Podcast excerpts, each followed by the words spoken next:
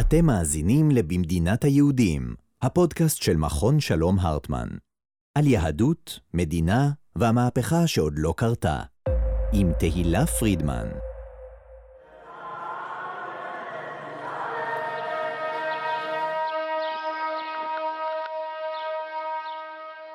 אני רוצה לפתוח באיזשהו סיפור אישי, משפחתי.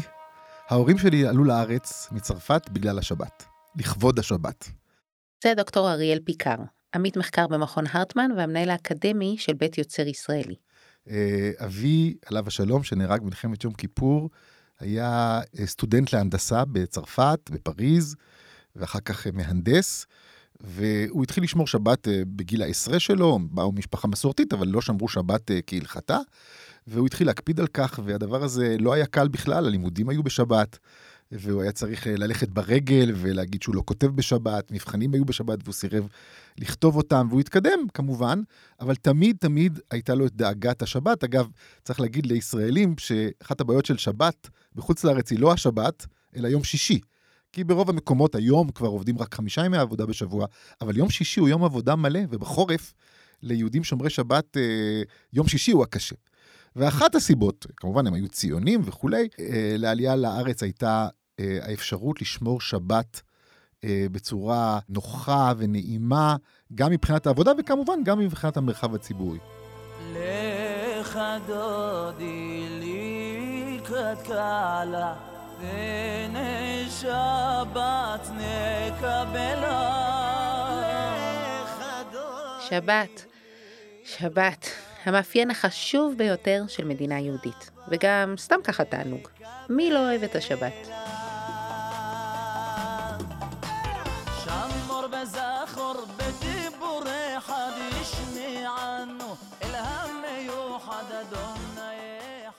תראי, אני בית מסורתי, זאת אומרת שבת תמיד הייתה בבית שלי. זאת חברת הכנסת נעמה לזימי, ממפלגת העבודה. אבל גרתי הרבה שנים לבד, ואורח חיים שונה, ולא תמיד היה לה מקום כזה. היא הייתה הרבה פעמים שבת של מנוחה ברמה של לישון כל היום ולראות איזה סרט, אה, או לצאת, או כל דבר אחר. לא, היה לה, לא הייתה לה שבת מסגרת. ואני תמיד אומרת שכשאבי הגיע לחיים שלי, אז הוא כאילו החזיר אותי הביתה. ממש. איך נראית שבת שלך? משפחתית מאוד. זה גם הזמן הבאמת באמת אה, קדוש שלי עם הילדים, ועם אבי ובכלל. יש משהו במסורתיות הזו של השבת, כשבת היא פעם בשבוע, שאוסף אותנו חזרה אל המשפחה, אה, מחוץ לשעות העבודה, ואני מתה על זה. על מה אנחנו מדברים כשאנחנו מדברים על שבת? השבת שלי, שלכם. שבת של משפחה, שבת של שלווה, שבת של תפילה או קהילה. אני נורא אוהבת את שבת. מכל המצוות, אם אני צריכה לבחור אחת, זו שבת. העצירה, השקט, היעדרם של המסכים, היכולת לקרוא, לשוחח ארוך ובנחת.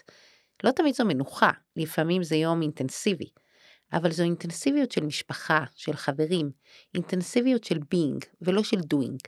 אני לא מכירה הרבה אנשים שלא אוהבים את שבת. כולם בעד יום מנוחה. אז איך קרה שהשבת היא כזו אבן מחלוקת? איך קרה שאנחנו נאבקים בכזו אינטנסיביות דווקא על המנוחה? בואו ננוח. אבל מי מגדיר מהו יום מנוחה? אם בשביל מישהו המנוחה היא לצאת רגע לקולנוע, להסתכל על מה שיש, על הפנאי שלו, על תרבות שלו, ו- ולהגיד, אני גם רוצה לנפש. מבחינת מישהו אחר זה השבת בבית עם המשפחה, או עונג שבת בבית והכל, ומבחינת מישהו אחר זה דרך אחרת שלו אה, ליהנות מהשבת. ופה כנראה הקונפליקט. ב-26 ביוני 48, חודש וחצי אחרי קום המדינה, נערכה הפגנה בכיכר מרכזית בירושלים. לכיכר עוד קראו אז כיכר יחזקאל, ואותו ערב שבת יצאה קבוצת חסידים בראשות אדמו"ר להפגין בה. לא בגלל גיוס או הפרדה באוטובוסים, אלא בגלל כלי רכב צבאיים שהסיעו חיילים וציוד לחזית במלחמת העצמאות ועברו דרך השכונה בשבת. ומאז ההפגנות על השבת לא הפסיקו, כל פעם משהו אחר. עבודה במחלבת תנובה בשבתות, בתי קולנוע שפעלו בשבת באזור, וסתם כלי רכב חולפים שהסעירו את הרוחות. היא הפכה למקום המרכזי של ההפגנות על השבת, עד שבסוף השם שלה שונה רשמית, כיכר השבת. קצת עצוב, לא? כיכר מרכזית בישראל קרויה על שם השבת, אך לא על זו שאנחנו אוהבים, אלא על שם מאבק ומריבות השבת, על שם הקונפליקט שהיא השבת, ועל הניסיון להגדיר אותה. זהו דיון סואן, ואני בכוונה רוצה להתחיל אותו מהשאלה האישית שנעמה דיברה עליה. מהי השבת בשבילנו? מהי מנוחה? כי באמת כל אחד מגדיר אחרת. ישנה הגדרה של התורה, שמור את יום השבת, ואחר כך בל"ט אבות מלאכה, בתלמוד ובהלכה. אבל ישנה הגדרה גם זו של חיים נחמן ביאליק, או זו של הקיבוצים, עם מסורות חדשות של שבת ישראלית. יש את ההגדרה המסורתית של משפחה, קידוש וים וכדורגל. יש את זו של הקודש, אבל יש גם את זו של החופש. קודש וחופש, שתי מילים חשובות. ויש, יש את ההגדרה של החוק. את הדבר הכי חשוב שיש לנו בישראל לגבי השבת זה חוק שעות עבודה ומנוחה. החוק הזה שאומר שהשבת היא יום המנוחה ליהודים, וכמובן לנוצרים ומוסלמים יש את ימי המנוחה שלהם על פי חוק, ברגע שהשבת וחגי ישראל נכנסים לתוך המסגרת הזאת של עבודה ולא עבודה, אז כל התרבות מתנהלת סביב הדבר הזה. כי העבודה היא חיינו, זה מאוד מדהים. העבודה קובעת את כמעט כל מה שאנחנו עושים בחיים, בחיים, בחיים שלנו כאנש, כאנשים ציבוריים. זה המקום היחידי בעולם שעל פי חוק יהודי לא צריך לעבוד בשבת ובערב שבת, 36 ישראלים. זאת אומרת, ברגע שמדינת ישראל קבעה את החוק הזה, והחוק הזה תקף, ורוב רוב הישראלים מאוד מאוד שמחים בחוק הזה, הייתי אומר, הרוב המוחלט של הישראלים מאוד מאוד שמחים בחוק הזה, אז יש לנו שבת בישראל.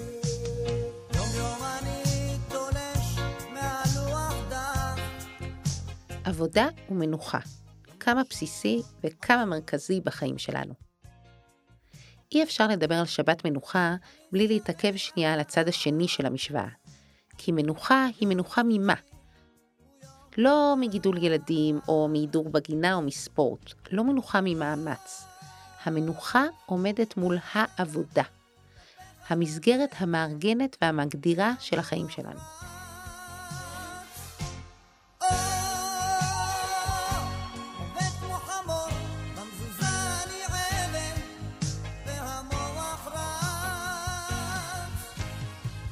העבודה, שהיא הלחם לאכול והבגד ללבוש של הפרנסה, והיא גם מה שמגדיר עצמאות או תלות, מימוש עצמי, מצב נפשי, ובכלל, בעולם שלנו, מה את עושה היום, כלומר, במה את עובדת, זה בעצם לשאול במידה רבה, מי את?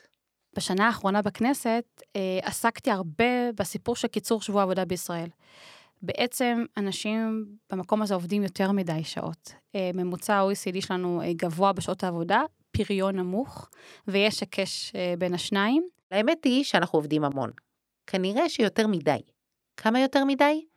בממוצע 40 וקצת שעות בשבוע, וחלקנו הלא קטן יותר מ-50 שעות. מקום שביעי בעולם, אם מעניין אתכם. וקיצור או שעות העבודה או יום בשבוע הוא משהו שיכול לייצר חיים שפויים יותר וגם איזון חיי בית עבודה. והתחלתי לעסוק בזה בצורה אינטנסיבית והגיע אליי הרב של דרום אפריקה, זאב גולדשטיין. הוא הגיע אליי מקיצור שבוע עבודה גלובלי עוד יום בשבוע אה, של חופש, מתוך אה, רצון לפתור קונפליקטים של דת ומדינה. בעצם הוא אומר שאם יהיה עוד יום שיאפשר לאנשים את הצרכים שלהם למסחר, לתרבות, לפנאי, יהיה אפשר בדרך נעימה יותר וטובה יותר לאפשר גם את השבת. מה, שוב, שיהיה בישראל יום ראשון. כן, יום ראשון, אה, או יום אחר, יום ראשון כמובן, כי זה יום גם גלובלי, אז יש בזה הרבה היגיון, אבל בעצם לתת את האפשרות למי שעובדים כל השבוע, גם לסידורים שלהם, גם לצרכים שלהם. ואמרתי, וואי, כמה מתאים שבישראל באמת נכיל את קיצור שבוע עבודה גם מהמקום הקולקטיבי של תרבות, של יהדות. יומיים מנוחה. אם המקום של העבודה יתעצם כל כך, ואם החיים הכלכליים סביבנו נהיו משוגעים לגמרי, הגיוני להעצים גם את המנוחה. אולי זה גם יאפשר סוגים שונים של מנוחה. יום אחד של מנוחה פסיבית, של שקט ובית, ויום אחד של מנוחה אקטיבית, של תרבות פנאי או סתם של סידורים. סבבה, אבל מה לזה בעצם ולשבת? יש כאן שיקולים פרקטיים של יעילות ותפוקות ואיזוני בית, עבודה, שפה פוליטית וחילונית. ועל זה אומרת לי נעמה... את הציווי הכי, אה, נראה לי חשוב שנתנה לנו ההלכה זה יום השבת לקודשו. וכנראה הבסיס לזכויות העובדים בישראל. די ברור שפעם בשבוע יש לנו את היום אה, מנוחה שלנו. מעבר לאותו דתי, זה יום מנוחה, זה יום שהגוף והנפש, אנחנו צריכים לנוח. והתפיסה שלי היא תפיסה מסורתית סוציאלית. זאת אומרת, המסורתיות אצלי באה ממקום של יהדות סוציאלית לחלוטין, יהדות חומלת, סולידרית, של ערבות הדדית. זה מה שאני לוקחת מהיהדות, ולצערי מנסים אה, אה, להרחיק מהיהדות את הזירות האלה, את המקומות האלה. לא תעשה כל מלאכה. אתה, ובנך, ובתך, עבדך, ואמתך, ושורך, וחמורך, וכל בהמתך, וגרך אשר בשעריך, למען ינוח עבדך ואמתך כמוך. וזכרת כי עבד היית בארץ מצרים. בעיני נעמה זו בדיוק שבת, ובעיניה זו גם השבת של המסורתיים. בניגוד לדתיים שמציעים שבת הלכתית, ובניגוד לחילונים שמציעים שבת של תרבות ופנאי, נעמה מציעה בשם המסורתיות שבת שבמרכז שלה המחויבות של הקהילה לדאוג שלכולם, עשירים ועניים כאחד, תהיה מנוחה. תהיה שבת. שבת שהמוקד שלה הוא לא בן אדם למקום ולא בן אדם לעצמו, אלא בן אדם לחברו. סוג של תנועת נגד לעולם חסר המנוחה בתוכו אנו חיים. עולם של הכרח ובחירה לעבוד, לעבוד ולעבוד. ואני חושב שיש פה רעיון מאוד מאוד עמוק שהיה נכון בעבר ועוד יותר נכון היום. כן, אנחנו, אה, בני אדם הם, הם יצורים שנמצאים בתוך המתח בין פנים לבין חוץ. זאת אומרת, אנחנו יצורים חברתיים, יצורים סוציאליים, גם יצורים מאוד יצירתיים, שרוב היצירה שלנו נעשית אה, בחוץ, out there, בעבודה, במסחר, אה, במגע עם אנשים אחרים. והנה השבת באה ואומרת, שבו איש תחתיו, כן? תהיה בעצמך, תהיה בתוכך, בתוכך האישי, בתוכך המשפחתי, ת, תהיה קצת פחות בחוץ. הבחוץ שלנו היום הוא לא רק הבחוץ הפיזי, הבחוץ נכנס פנימה היום דרך כל כלי התקשורת והאינטרנט ש, שבידיים, שממש בידיים שלנו, ואני חושב שאחד הדברים היפים בשבת זה היכולת להתכנס פנימה ו, ולהתנתק במידה מסוימת. שבת זה אחד הנושאים שהחברה הישראלית רבה עליהם כבר 70 שנה. נדמה לי שרוב הישראלים אוהבים את השבת, ובכל זאת אנחנו רבים על זה המון. למה אנחנו רבים על שבת? רוח החוק היא שבעיקרון גופי מדינת ישראל לא עובדים בשבת, אלא אם כן יש צורך מיוחד וחשוב. מהו הצורך הזה? על זה אפשר לריב ואנחנו נמשיך לריב, אבל זה בסדר שיהודים קצת uh, מתקוטטים על מה חשוב ומה לא חשוב. ואני בעד כמובן שכמה שפחות דברים יהיו פתוחים בשבת, בכוונה, נדבר על המדינה, אבל גופים של המדינה אה, צריכים לעשות מה שפחות בדיוק, ואני חושב שזה מה שקורה גם. אריאל שם את האצבע על זה שמנוחה ועבודה הם דבר מאוד אישי, ושצריך וחשוב לזכור שזו שאלה אישית מאוד. הם נוגעים לנפש ולתנועה שלנו, כי מה יותר אישי מהתכנסות פנימה? אבל באותה נשימה, העבודה, שהיא חיינו, והמנוחה, שהיא נשמת אפנו, מרכיבים את החברה, את המדינה ואת המשק. מי נח ומתי משפיע על כולנו, וגם מי עובד.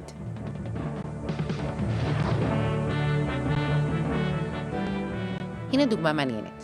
כשהגיעה הטלוויזיה לארץ והוצבה בסלון הביתי, הוגשו עתירות רבות לבג"ץ בניסיון למנוע מרשות השידור לשדר בשבת. העילה המשפטית הייתה איסור העסקת העובדים, אבל המחלוקת הייתה הרבה יותר רחבה. מצד אחד, צפייה בטלוויזיה היא פעולה פרטית לגמרי. מצד שני, ברור שקיומם של שידורים, בעולם של ערוץ אחד, כן, הופך את הטלוויזיה הקטנה שבבית למרחב משותף. שבת, אם של מנוחה ואם של עבודה, היא אישית לכל אחד ואחת מאיתנו, אבל יש לה גם פנים משותפות. וכאשר האישי של אחד מתנגש עם זה של האחר, נוצרת בעיה. בעיה שמעסיקה ממשלות. אז בואו נעבור רגע למרחב המשותף, תוך כדי שאנחנו זוכרים כמה זה פרטי. אל משחקי הכדורגל ותחרויות ספורט, אל המרכולים ובתי מרקחת, וגם כמובן לתחבורה הציבורית. יש ציבורים שלמים, בגלל שיש להם אי נגישות תחבורתית, הם פשוט מנועים מלהתנייד בשבת, אה, בזמן שלהם, שהם צריכים לבחור איך לנהל את השבת שלהם. זה דבר שהוא אבסורד בעיניי, את יודעת, לי אין רישיון נהיגה. וואלה. כן, אין רישיון נהיגה. ואני חיה בעיר שיש בה תחבורה ציבורית בשבת. לחלוטין לא כמו כל השבוע, בחיפה. אה, יש אה, השכונות החרדיות של ויז'ניץ הן סגורות, שזה יפה, יש אה, כבוד למי שמבחינתם רוצים את השקט הזה, ותחבורה ציבורית, נגיד מינורית יחסית לשאר השבוע, אבל היא קיימת. זאת אומרת, יש לציבור יכולת. ללכת לבית חולים אם רוצה לבקר קרוב משפחה, או לנסוע לים. בשנים האחרונות אי אפשר כמעט לדבר על השבת בישראל בלי לדבר על תחבורה ציבורית. זה לא תמיד היה ככה. היו שנים שהתמקדו בבתי קולנוע או בחסימות של דרכים וכבישים לכלי רכב פרטיים.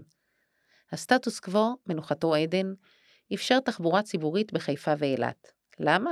כי אלו היו הערים שהייתה בהם תחבורה ציבורית, עוד לפני קום המדינה. אגב, באותם שנים הכבישים גם באמת היו שקטים מאוד בשבת, כי רוב האנשים לא החזיקו מכוניות. מאז נוספו לכבישים מיליוני מכוניות, 3.2 מיליון מכוניות, זו הערכה. ולמי שאין לו מכונית ורוצה להתנייד בשבת, הוצאו חצאי פתרונות, בדמות מוניות שירות או אוטובוסים שמנוהלים כקואופרטיב. אבל זה כנראה לא עובד, כי אחוזי התמיכה וגם הלחץ להפעלת תחבורה ציבורית בשבת עולים כל הזמן. אם בשנת 2010 תמכו בהפעלת תחבורה ציבורית בשבת 58% מהאוכלוסייה היהודית, ב-2014 היו 70% והיום 75%. 75% מהציבור שתומך בהפעלת רמה כלשהי של תחבורה ציבורית בשבת, כלומר, גם חלק גדול מהציבור המסורתי והדתי. ולכן, לא מפתיע ששרת התחבורה הנוכחית, מרב מיכאלי, הכריזה לאחרונה שהרכבת הקלה תפעל בשבת. זה אי צדק ברור, וזה אפליה של אה, מי שידו אינו משגת אולי, או שלא יכול. אבל תכף אני אגיד גם משהו במובן שבסוף פגיעה שהיא גם בכולנו. אה, האם אני רוצה יותר תחבורה ציבורית, ושישקיעו בה יותר, ושהיא תהיה טובה יותר, אז אני צריכה קודם כל לבטל את העניין ש-20% מהשבוע היא לא מתקיימת. וגם להוריד רכבים מהכביש, כדי להוריד רכבים מהכביש, כדי למנוע את הפקקים שמתישים את כולנו בכל ימות השבוע. אה, אני צריכה לאפשר מנגנונים שיצדיקו את זה. אני יכולה לתת טיעונים מנגד על הנראות רכבים בפרהסיה אל מול הסעת המונים, זאת אומרת, גם אנחנו יכולים לתת טיעונים שאומרים, אולי יש היגיון יותר בפחות רכבים פרטיים על הכביש, והסעות המונים שיהיו כחלופה. הסיפור על הפקקים והסביבה הוא באמת הסבר הגיוני למיקוד בתחבורה ציבורית, והוא נוגע לכולנו. זו זווית אחת להתבונן על נסיעה בשבת. הזווית האחרת היא המחשבה על תנועה וחוסר תנועה, שאריאל דיבר עליה. שבו איש במקומו. אנחנו הרי זקוקים לזה. להיות לפחות לזמן מה לכיוון פנים, ולא החוצה. ונסיעה היא תנועה החוצה. לא חבל? חופש התנועה הוא, הוא הדבר הכי מרכזי. אם אנחנו מונעים מאנשים להגיע, מסבתא להגיע לנכדים שלה, או מאימא לראות את הבן שלה, או כל דבר כזה, יש פה משהו שהוא עיוות מהיסוד.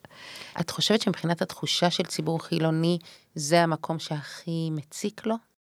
אני חושבת שמה שמציק לציבור חילוני, בצדק, זה שצד אחר שלא משתתף במעמד צד אחד, על הצד הזה נכפה אורח חיים אחר. הציבור החילוני, החילוני רוצה תחבורה ציבורית בשבת, אבל בגלל שהציבור הדתי או חרדי אה, לא נוסע בשבת, לא מעוניין בזה, אז נגזר עליו מציאות שבה אין לו ניידות בשבת. אבל זה דבר לא הגון. נעמה אומרת, לא הגון. זהו מרחב ציבורי, שבו לאנשים שונים יש צרכים אישיים שאחרים לא מבינים או לא צריכים. אני רוצה לחבר את זה למושגים של פנימה והחוצה. במבט ראשון, לנסוע זה אכן לצאת החוצה. אבל בפועל, למשל כשאני, כשומרת שבת, אוכלת אצל השכנים, או יוצאת לטייל בפארק, זו תנועה פנימה? או כשנעמה נוסעת לבקר את ההורים, זו תנועה החוצה? זה מאוד לא דיכוטומי, מסתבר. יש עוד הרבה שיקולים לתחבורה ציבורית כן או לא. למשל, אנשים דתיים לא רוצים לממן מכספם חילול שבת, או שאלת העסקת הנהגים. ולמשל, התחושה שהשבת לא תהיה שבת אם התחבורה תפעל. אפשר בכלל למצוא פתרון משותף? תחבורה ציבורית זה לא כן או לא. כן? יש הרבה באמצע, מה כן ומה לא. בסופו של דבר, תחבורה ציבורית משרתת את הצורך של אנשים לנוע. אז אף אחד לא נוסע למקום העבודה שלו בשבת. אז לא צריך תחבורה ציבורית למקומות עבודה, למרכזי עבודה, כן? אזורי תעשייה או אזורי uh, מסחר וכדומה. אבל אנשים צריכים, אם אתה רוצה שאנשים יגיעו למוזיאון, צריך לאפשר להם תחבורה ציבורית uh, למוזיאון, או לים, או לכל דבר ש, שרלוונטי. וזה דבר שהוא אפשרי, כן? אז בהחלט, כל דבר שפתוח בשבת, גם צריך את האפשרות uh, uh, לנסוע אליו. כמובן, גם העניין של המרחב המקומי פה רלוונטי. כמו שנהוג היום, ובצדק, מקומות אה, שבהם חיים אה, קהילות דתיות אה, גדולות, גם לא יהיה צורך שתעבור שם תחבורה ציבורית, וגם צריך להימנע. יעלה כמה שיעלה, יהיה מעקף, יהיה נתיב קצת אחר, כדי לא לפגוע, כמובן, אם אנשים שומרי שבת זה לא, לא נוח להם, ומפריע להם שנוסעים ברחובותיהם, אז צריך למצוא פתרון. לדעתי, הדברים האלה הם אפשריים, כמובן, כאשר יש אה, רצון טוב ולב פתוח ונפש חפצה. אבל אם באמת כל מקום יקבע לעצמו, תחבורה, מה פתוח, מה סגור, התוצאה תהיה שפחות ופחות נגור ליד אנשים אה, שונים מאיתנו. אני חושב שהרצון של אנשים לגור עם שכמותם הוא קיים, ויש גם הרבה אנשים שכמונו למשל, שדווקא שמחים במגוון. זה לא השבת אה, היא המשפיע המרכזי לדבר הזה. יהודים שגרים בחוץ לארץ, יהודים אורתודוקסים, חיים גם במרחבים שבהם, כמובן, אה, השבת היא לא מתקיימת במרחב הציבורי, וזה בסדר מבחינתם. האיש, כל איש יעשה, יעשה כרצונו. שאלה אם לי כמדינה יש עניין לעודד מגורים מעורבבים או מגורים נפרדים. אני לא חושב שהמדינה צריכה להיות uh, מעורבת בשאלות כאלה. אלו הן שאלות של הבחירה האישית והחופשית של, של כל אדם. עקרונות הגדולים של חוקי שעות העבודה והמנוחה, שקובעים את המרחב הציבורי התרבותי, זה יכול להיות עניינה של המדינה או של הרשות, כמובן. איפה אנשים יגורו, אני חושב שזה זה כבר חדירה ל, ל, ל, לשאלות הרבה יותר פרטיות ואישיות, ואני לא חושב שזה עניין שהמדינה צריכה לעסוק בו. Uh, נכון, אני מניח שיהיו אנשים שכך יעשו. אני לא בטוח שזה מאוד מאוד שונה מהמצב היום. כלומר, שאלת השבת לוקחת את המרחב האישי ומחברת אותו ישירות אל הציבורי. כי השאלה מתי נעבוד ואיך ננוח ואיך ננוע, היא שאלה גם על איפה וליד מי נגור, ועל מידת השותפות שלנו ביומיום, ובכלל, על המשותף בינינו.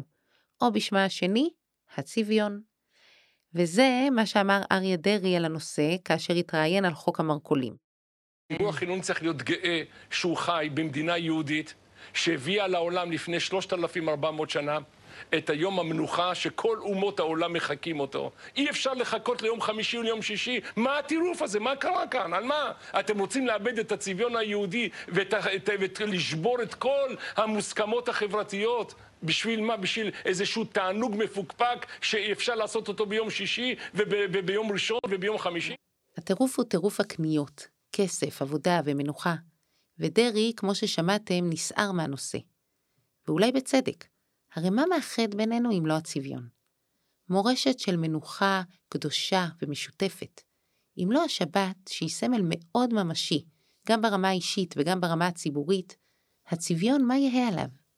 בסוף אני חושבת שהשאלה היא לא אם אנחנו עוצרים את השבת לחלוטין ואין שום כניסה של משהו אחר, אלא האם השבת היא חלק ממרקם החיים שלנו, מהאתוס המשותף שלנו, מהישראליות שאנחנו בונות יחד. ואם אנחנו פשוט מנתקים ציבור שלם מהיופי של השבת בגלל הכפייה, אז אנחנו דווקא די מרחיקים. ואני מרגישה את זה. נעמה דווקא מסכימה עם דרעי, ששבת אמורה להיות חלק מהצביון שהוא היחד הישראלי שלנו. אלא שלדעתה, הניסיון לאכוף על כולם את השבת ההלכתית לא מחזק את היחד, אלא בדיוק להפך, מפצל ויוצר ניכור, בגלל כפייה. עכשיו, הטענה הזו על כפייה, היא בעצם טענת רוחב בכל ויכוחי יהדות ומדינה.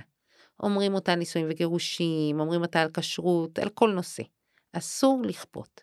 כפייה. עצם המילה עושה תחושת מחנק ורצון לבעוט ולברוח. זה גם שהאוטונומיה וזכות הבחירה של האדם הם קודש קודשים, וגם זה פשוט לא חכם לכפות. מצד שני, אני לפחות חושבת שיש מקרים שבהם מותר וגם צריך להגביל מאוד את זכות הבחירה. אני למשל חושבת שאסור לאפשר לבני אדם למכור את גופם לצריכת מין, ואסור לאדם ליטול את חייו. כלומר, במשהו בעיניי קודש הקודשים, שמירה על צלם האלוהים שבאדם, אני לא חושבת שצריך לאפשר בחירה. אז אולי הנקודה היא לא האם אפשר לכפות, אלא מה קדוש. אני אגיד לך, בגלל שאנחנו מדברות על המרחב הציבורי ולא הביתי, חשוב לי שירגישו את יום המנוחה. את הרגיעה שצריך, כל אדם צריך להרגיש פעם בשבוע לפחות.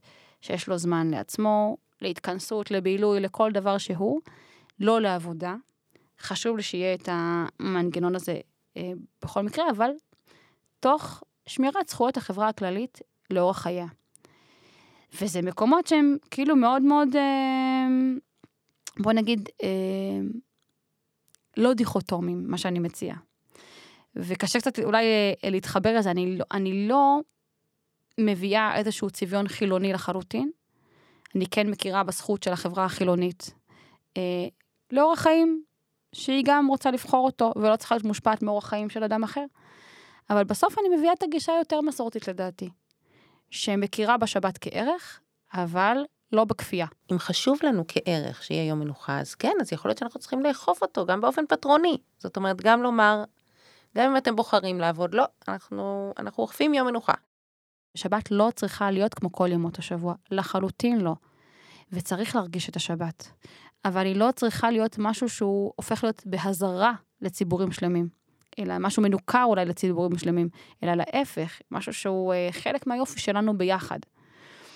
שכולנו מכבדים אחד את השנייה ו- וחיים פה בחיים משותפים אמיתיים. חיים משותפים זה לא כשאחד מכופף יד לשני, אלא כשיש הבנה הדדית של צרכים.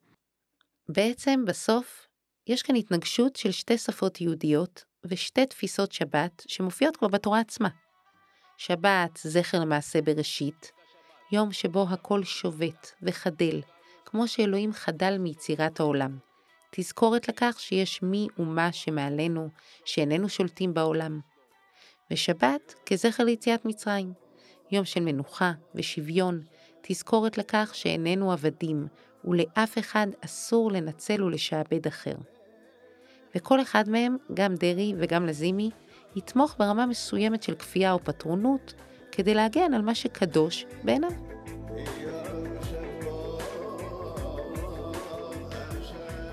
סיכום ביניים.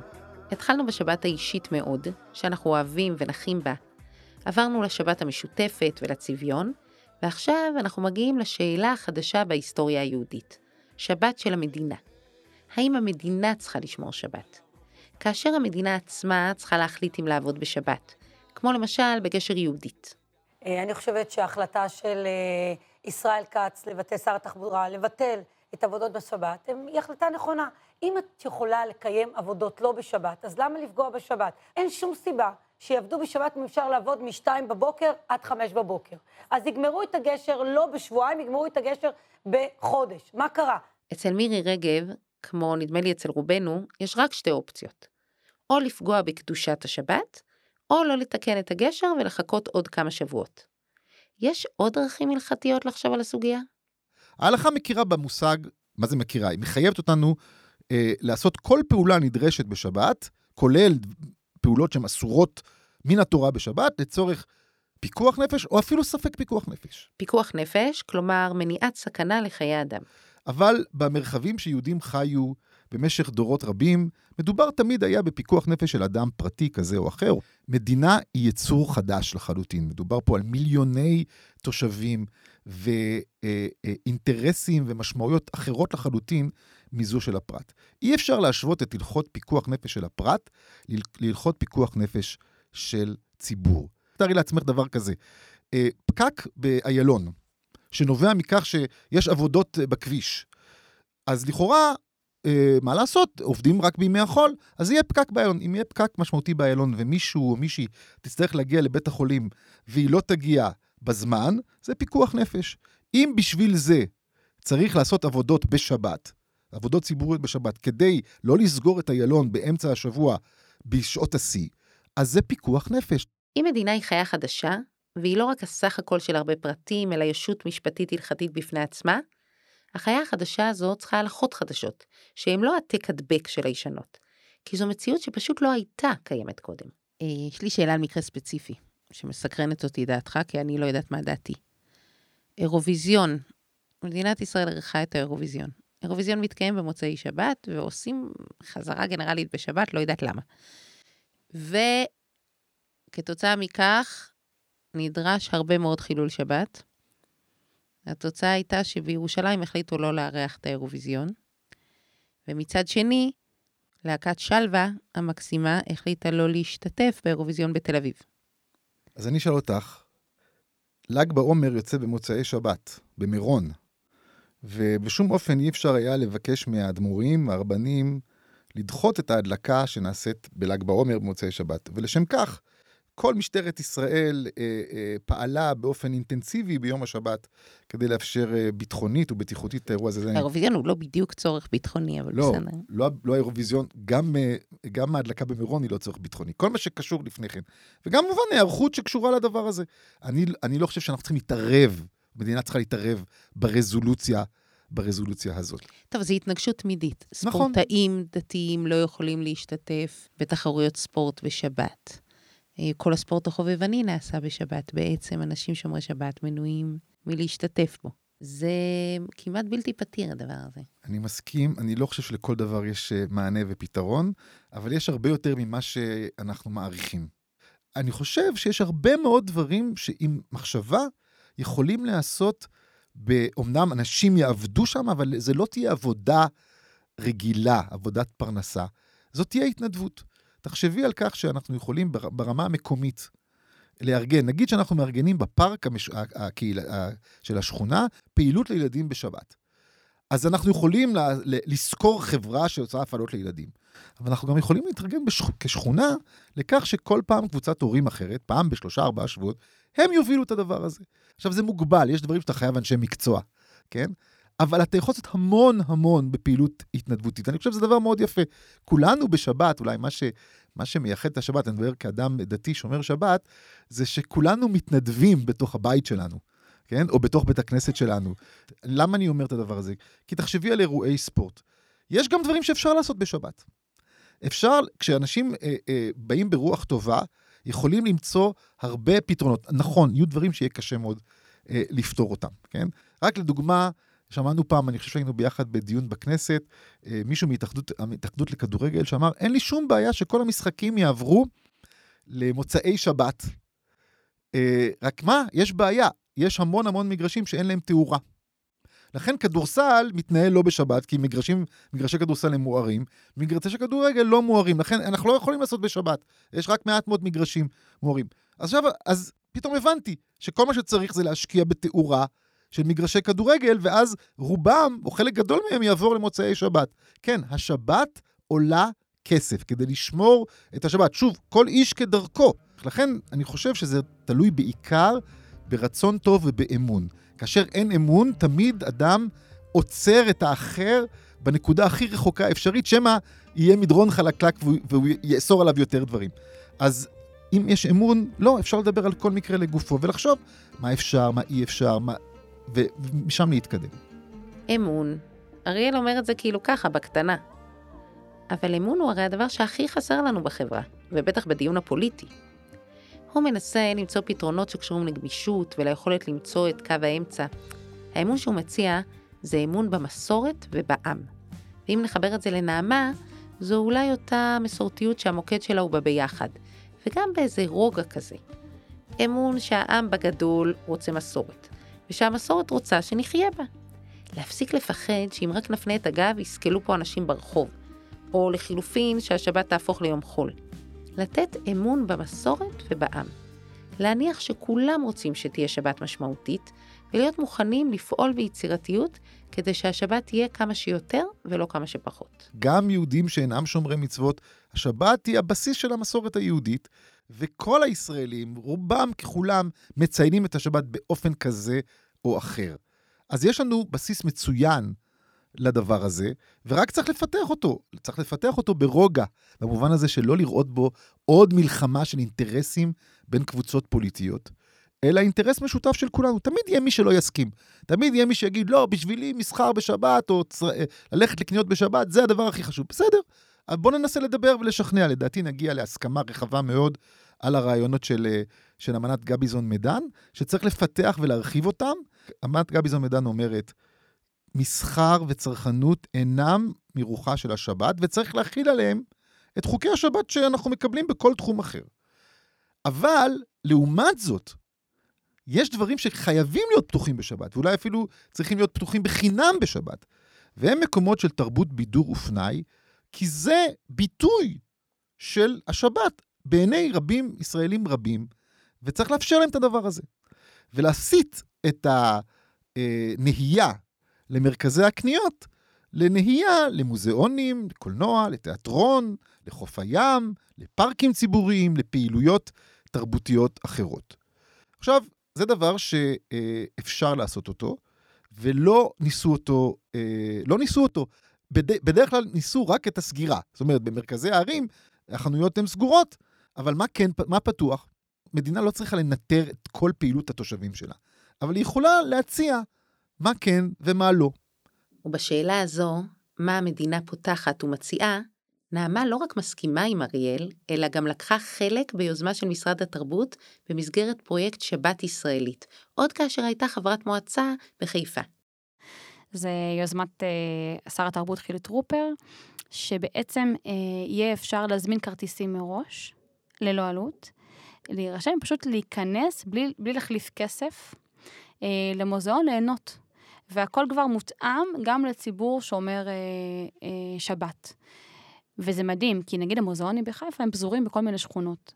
והכי יפה שהם יהיו נגישים למי שחיים ליד השכונה, ליד המוזיאון, סליחה, ויוכלו להיכנס אליהם, שבטח במהלך השבוע הם לא מצליחים בכלל להגיע שעות פתיחה של המוזיאונים. אבל זה נכס שיושב להם ליד הבית, והם אפילו לא נגישים לראות את מה שהם משלמים עליו מיסים כדי שיתקיים. וזה עבד מדהים, מדהים, וככה צריך לקיים דברים. בצורה הזו, המוזיאונים פתוחים בשבת, מגיעים אליהם מכל החברות, החברות, אבל הפרויקט הזה מבחינתי זה דבר נפלא. ואגב... מאיר בוזגלו פעם אמר שהכוס קפה תהיה בחינם. בשבת. שבת תהיה יום כוס קפה בחינם. אהבתי. נכון? כן, כן, לייצר את המנגנונים האלו, שגם נותנים את... אפשר לייצר כאלה מנגנונים, ולמה לא? והמדינה צריכה להשקיע. למדינה אה, חשובה השבת, אז שתשקיע לא רק באיסורים שלה, אלא גם במה שהיא נותנת. מתקרבים לסיום. תראו את הרשימה הזו. לטפח תרבות כרוח של שבת, להפעיל מוזיאונים בהתנדבות, כאלטרנטיבה לעולם שבו הכל עבודה ומוצרים, להשקיע מכספי המדינה במה כן בשבת, ולא רק חקיקה של מה אסור, וגם לחשוב על חוק וסדר כפיקוח נפש ציבורי, להבדיל בין נסיעה למשפחה לנסיעה אחרת. האם יכול להיות שיש כאן סוג חדש של הלכות שבת? ניסיון להבין איך אנחנו צריכים ורוצים להתארגן אל מול העבודה והמנוחה, חלק עבור המדינה, חלק גם עבור הפרט. יש כאן חשיבה נורמטיבית, ויש ניסיון לשרטט כללים, ויש גם ניסיון להביא לידי ביטוי את המהות של השבת. כשחושבים על זה ככה, השיחה המעייפת והצפויה על שבת נפתחת מחדש. אבל האם אנחנו באמת מסוגלים לזה? האם אני מסוגלת? שבת שלי היא שבת קודש, עם הסקוץ' המיוחד והנייר החתוך מראש, שבת של פרטי פרטים שיוצרים מכלול שקדוש לי ויקר לי וגם אהוב מאין כמותו. אני חושבת שאני לפחות מסוגלת להפריד בין השבת שלי לשבת הישראלית, אם אני בטוחה שהרצון והמחויבות היא באמת לשבת. יש לי חברה, חילונית תל אביבית, שסיפרה לי פעם שהתובנה הכי חזקה שלה מהתקופה שבה היא חיה בחו"ל, הייתה שנדרש ממנה אז המון מאמץ אקטיבי על מנת שהילדים שלה יחיו חיים יהודיים. היה צורך בבית כנסת, בקהילה, בעשייה אקטיבית בבית. בארץ, היא אמרה לי, אני יכולה לגדל ילדים יהודים בלי מאמץ. כי המרחב הציבורי מדבר את זה. יש שבת בחוץ וחגים בסופר, זה באוויר. האמירה הזו שלה שינתה משהו עמוק בנקודת המבט שלי. פתאום לא היינו בשני צדדים, אלא באותו צד. זה כבר לא היה חילונים שרוצים בעצם יום של חופש מהעבודה וזהו, אל מול דתיים של שבת קודש. זה היה ישראלים שמחפשים ביחד דרך למדינה יהודית. מאוד קשה להיכנס למשא ומתן עם קדושה, אבל לא פחות קשה לדון עם תחושת כפייה. אלו שני העוגנים של השיחה הזו. אבל זה עדיין משא ומתן מעניין שדווקא מתקיים כל שבת בלא מעט בתי כנסת בארץ, שכוללים כמעט במוצהר מתפללים מסורתיים. אדם מגיע להתפלל, חוזר הביתה, מקדש את השבת, ואז נהנה מהחופש שלו מהעבודה עם המשפחה. ויחד איתם נהנה מתרבות בדמות משחק כדורגל או הצגה. והנה מחר יום השישי ויחולו השמיים והארץ וכל... זו באמת האופציה המסורתית, שלא לומר הבשורה המסורתית. להניח במרכז את היחד ואת היהדות כמשותף. את המחויבות לכך שכולם יוכלו לשבות. לא במקום שבת קודש הדתית, או במקום שבת מנוחה ופנאי חילונית, אלא כאפשרות נוספת ומשמעותית לא פחות, או כהתכה ובחירה בהכל גם יחד. יום שישי מתעורר באוויר, שוב יש ריח של ים, וכמה בא לי... האופציה הזו, שיש בה קדושה ואין בה בכלל כפייה, היא משמעותית, אבל היא רק פרטית. כי כדי שיהיה משהו באוויר הישראלי, שאפשר יהיה לגדל בו ילדים יהודים בלי מאמץ, יש רמה מסוימת של הגבלת בחירה, רמה מסוימת של הסדרה ושל צביון שחייבים. לא גבוהה מדי, כי אז נוצרת ריאקציה. לא נמוכה מדי, כי אז אין מספיק. מהי הרמה המדויקת? אני לא בטוחה. אבל אני כן בטוחה שזה יכול וצריך להיות אינטרס משותף. למצוא אותה.